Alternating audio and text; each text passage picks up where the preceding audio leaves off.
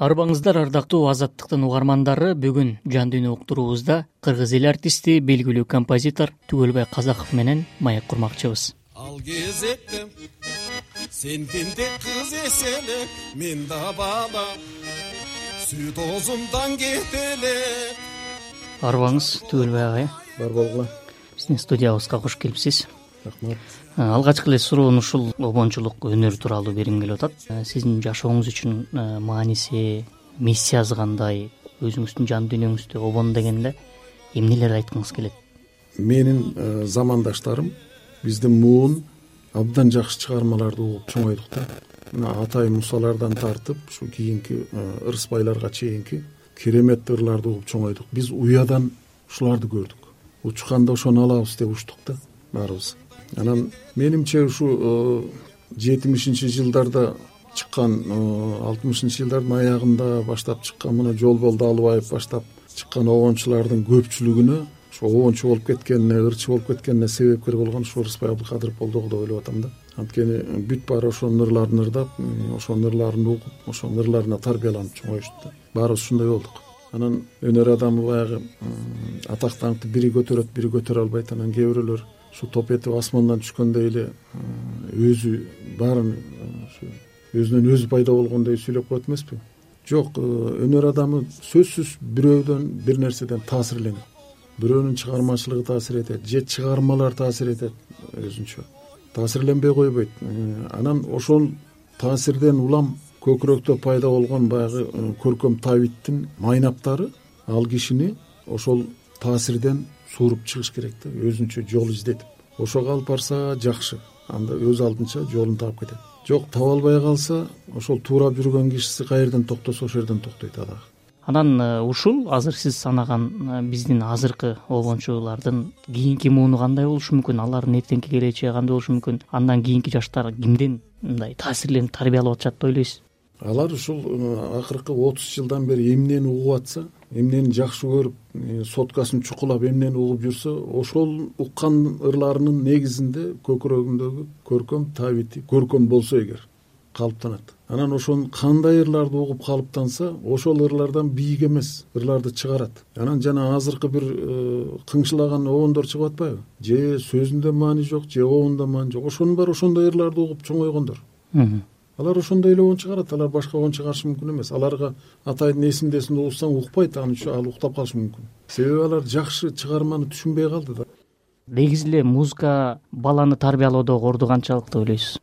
Орустардын бир фильми бар. Өзү советтик фильм болуш керек. Ошондо бир бакубат турган үй бүлөнүн бир жалгыз баласы бар экен. Ошону энеси музыкалык мектепке беребиз деп атат. Атасы жактырбай атат эмне аласың аяка берип кыйнап? Анан жөндөмү деле жок экен мунун. Тигүү десе анан ошондо энесинин айтканы бар. Мен баламдын бандит болушун каалабайм дейт. Бул эмнеден кабар берип атат? Музыка адамдын жан дүйнөсүн жумшартат боорукер кылат ийилчээк кылат адамды. Музыканы көп уккан кишинин көкүрөгү жумшарат аябай. Ошону музыканын таасири менен да болсо баланы бир адамгерчиликтүү жакшы адам кылып тарбиялайын деп жанталашып атат ал аял а музыканын эми э, айтып отурса мунун таасири укмуш да мына медицинада да колдонот муну ооруларды айыктырыш үчүн. Экинчиден э, жанагы абдан катуу стресс болгон кишилер катуу турмуштун бир муштумун жеген кишилер кайсы бир чыгарманы укканда кадимкидей дарыланат да көкүрөгү. Эми жан дүйнөнүн жараты деген көзгө көрүнбөгөн нерсе ошону кулак менен угуп дарылайт да. Жакшы сөз жакшы музыка менен ар обончунун эргүүсү балким анын мүнөзүнө жараша ар кандай калыптанып келиши мүмкүн да. Анан сиздин бир ырыңыз ошо түшүңүздө уккан экенсиз бир обондучу ушул эл ичиндеги түгүлбай казаков обон жарата турган учурларында кандай болуп калат? Ошол бир обондун жаралышын балким баяндап бересиз бир кызыктуу учурларынан э, эми ар кандай экен? Кээде аябай кычаш учурда келчү да кайрыктар сен нота барагыңда жок эчтекең жок кычашып аткан жерде бир кайрыктар келет. Бул өзү кызык нерсе экен абдан. Аны кармай албайсың албетте. Ал э, келет да кетип калат. Бир жакшы кайрыктар далай эле кетти анан ар кайсы обонду мен азыр эсимде баары эле. Ошонун ичинде түшүмдө э, бир обонду уктум чынында эле. Э, ал кезде мен студент болчумун анан ресторанда иштейт элем. Ресторанда музыканттардын тобунун жетекчиси болчумун да. Эртең менентен баштап институтта музыка түштөн кийин анан ресторанга келип алып дагы музыка үч саат төрт саат ушинтип бир алты жети ай ушундай жашагандан кийин күнү түнү менен эле ушул көкүрөгүңдө дүңгүрөп музыка ойноп калат экен да. Ушул абдан жакшы жагдай деп ойлойм да музыкант үчүн. Бирдеме жаратам деген кишиге. Ичиңде эле дүңгүрөп кайрыктар жүрө берет эртең менен тургандан баштап эле ушул кетпей калат да ушул дүйнө. Анан ошентип жүргөн күндөрдүн э, бир күнүндө уктасам түшүмдө ресторанда ойноп отурам бир киши келип жанагы жаңы обонуңду ойночу дейт да. Анан мен бир обонду ойноп атам. Мурда укпаган обон да мен үчүн анан ии ушуну чыгарган турбаймынбы деп ойноп атам. Э, анан тиги киши дагы ойно дейт дагы ойноп атам. Эки үч жолу кайталап кой дейт. Анан кайталап атып ойгонуп кеттим ойгонуп кетсем кулагымда угулуп атат. Анан эми түн ортосу болчу менин агамдын балдары жаш. Анан үй тар свет күйгүзсөң алар ойгонот. Анан нота барагымды алып алып эшикке чыгып көчөдөгү жарыктын алдында отуруп анан нотасын жазып койдум. Жазып коюп анан жатып алгам. Эртең менен ушуну нота барагын карабай туруп эстейин деп абдан убара болдум да. Эртең менен такыр эстей албай койдум ошону жазып койгонум жакшы болуптур ошол сүйүү жаз деген обон ошол жазып койгонум жакшы болуптур деп ойлойм ушул күнгө чейин. Жылт эткен жылдыздын үзүгүндөй сен кайда кеткенсиң асыл кечим жүрөктө толукшуйт сүйүү кийин анан ошого э, роза карагулова эжебиздин текстин салып обон болуп ырдалып кетти андан кийин ушу түшүмө кирсе экен деп көп эле тиледим да. Бирок кирген жок бир да жолу андай кайрыктар келген жок. Же мен ушул э, туура эмес кылдымбы билбейм. Чыгармачылыктын кайсыл багыты болбосун мисалы адабиятта деле кээ бир акындар э, өзүнөн улуу бир устат акындын э, чыгармачылыгынан таасирленип алса өзүнө билинбеген таасирдин ичине кирип эле ошол акындын жазгандарын кайталап калышы мүмкүн экен да. Анан обончулукта деле ушундай бирөөнүн таасиринде калып калуу деген болобу. Балким окшош кайрыктарды чыгарып алып чыгармачылыктын баардык эле тармагында бар да бул нерсе. Өзү биринчи табият шык берет андан кийин ал кимдир бирөөнүн таасирине кирет. Андан кийин дагы өнүгүп жүрүп отурса ошол таасирден чыгат. Чыгып өзүнүн жолун издей баштайт. Өзүнүн жолун издебесе ошол бирөөнүн көлөкөсүндө кала берет. Жана мен айткандай ошол киши каерден түгөнсө бу да ошол жерден түгөнөт да. Андай таасирден чыгып кетиш оңой эмес. Качан болсо дагы ал өзүн өзү жөнүндө билгизип турат да бул таасир күчтүү болот аябай. Жаш кезиңде келет андан чыгыш үчүн билим керек да. Же табигый абдан чоң көрөнгө керек же мыкты билим керек. Ошол ичиңдеги уйгу туйгу дүйнөнү бир жолго салып анан ары жетелеп кете турган билим керек. Же болбосо башынан эле өзүнчө жол үчүн жаралган бир жан дүйнө болуш керек ал табияттан болот да. Баягы билим жөнүндө сүйлөп калдык эргүү жөнүндө сүйлөбөдүкпү анан адамдын жан дүйнөсү деле балким жанагы алтын дилде толтурулган кап сыяктуу болсо керек баягы берген сайын бөксөрөт да анан ошол жан дүйнөнү кайра байыттырыш үчүн эргүүнү толтуруп туруш үчүн мындай тагдырдагы олку солку болгон окуялардан болобу же болбосо атайын анын бир жолун таап туруш керекпи? Муңканып жүрүп жакшы нерселерди берип койгон учурлар болот эмеспи? Акынга тагдыр керек деген макал бар. Өнөр адамына жаратман адам үчүн тагдыр керек деп айтылат. Бирок эми ар бир ыр үчүн өзүнчө тагдыр болуп отурса ал киши көпкө узабай калышы мүмкүн да. Турмуштун бир эле жолку соккусу далай чыгармага жетиши мүмкүн ал анын жан дүйнөсүн бир нукка салып кетет да. Ошол э, ар бир бир теманы эле бул өңүттөн тигил өңүттөн караганда ар кандай э, вариантта кете бериши мүмкүн. Жана муңдуу ырлардын көбү ошондой да.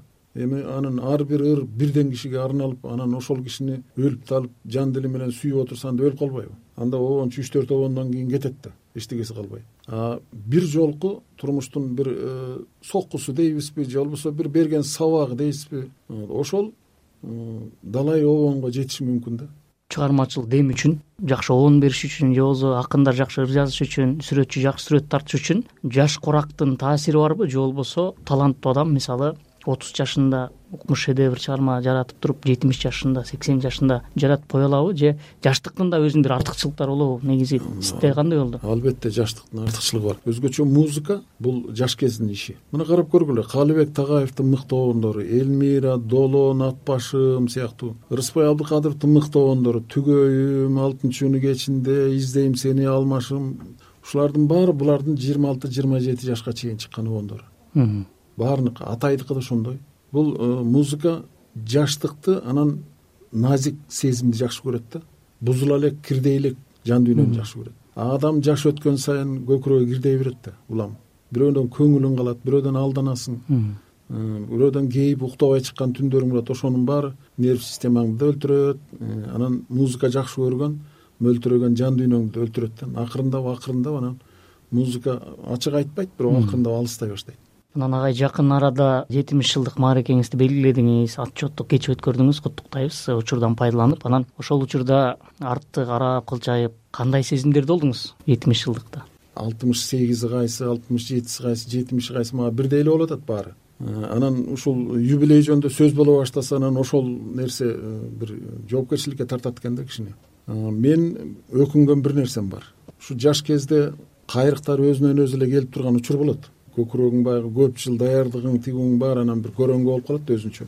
Буга бир мисал айтайын мен көлдү иштеп жүргөндө келсем асанкалы керимбаевдин үйүнө келсем ал аккордеонун алып алып бир обон чыгарам деп отуруптур анан эмне кыйналып атасыңбы десем эртең омор султанов агайга барайын дедим эле ошого кур кол барбай бир обон ала барайын деп чыгарып атам деди а болуптур анда сен бүт сен бүткөндөн кийин ал дагы китебиңди мага бер мен дагы кур барбай бир обон чыгара барайын деп.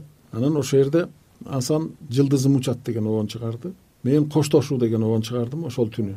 Эми бир аз эле убакыттын ичинде чыкты. Эртеси экөөбүз ал обонду көтөрүп алып анан омор байкеге бардык. Ошентип чыгарам деген учурда чыгып турган учурлар болот эле да. Биз жанталашып иштеген жокпуз. Мисалы мен э, өзү келет деп жүрүп иштедим да. Өзү келсе келип келбесе мен жанталашып отурчу эмесмин. Ошондон улам обондорум аз го деп ойлойм да эми э, обончу катары жожон гана кыргыздын жараны катары кыргыздын аксакалы катары э, жан дүйнөңүздөн азыр эмнени айткыңыз келет. Элге каалоо тилек болобу? Мен кыргыздын тарыхын карап отуруп таң калам да бир кездеги каганат курган империя курган элдин урпактары ушундай болобу деп акыркы окуяларды көрүп отуруп ичим сыйрылат да аябай эмне үчүн мындай болуп калдык деген. Ар бир кыргыз мына кыргыз жери ата бабадан калган олжо эмес. Ата бабадан калган сен балдарыңа милдеттүү түрдө гүлдөтүп туруп өткөзүп бере турган аманат деп түшүнүш керек. Биз ушуга жетсек өтө бийик эл болгон турабыз. Мен ушуну каалайт элем бүтүндөй эл рахмат агай. Бүгүнкү бизге берген маегиңизге ыраазычылык билдиребиз. Өзүңүзгө чыгармачылык дем каалайбыз бийиктиктерди каалайбыз. Дагы да жан дүйнөңүздөн оргуштаган обондун түркүн түрлөрү чыга берсин элге маданиятка ар убак кызмат кылып узак жашаңыз. Бар болуңуз агай. Бар болгула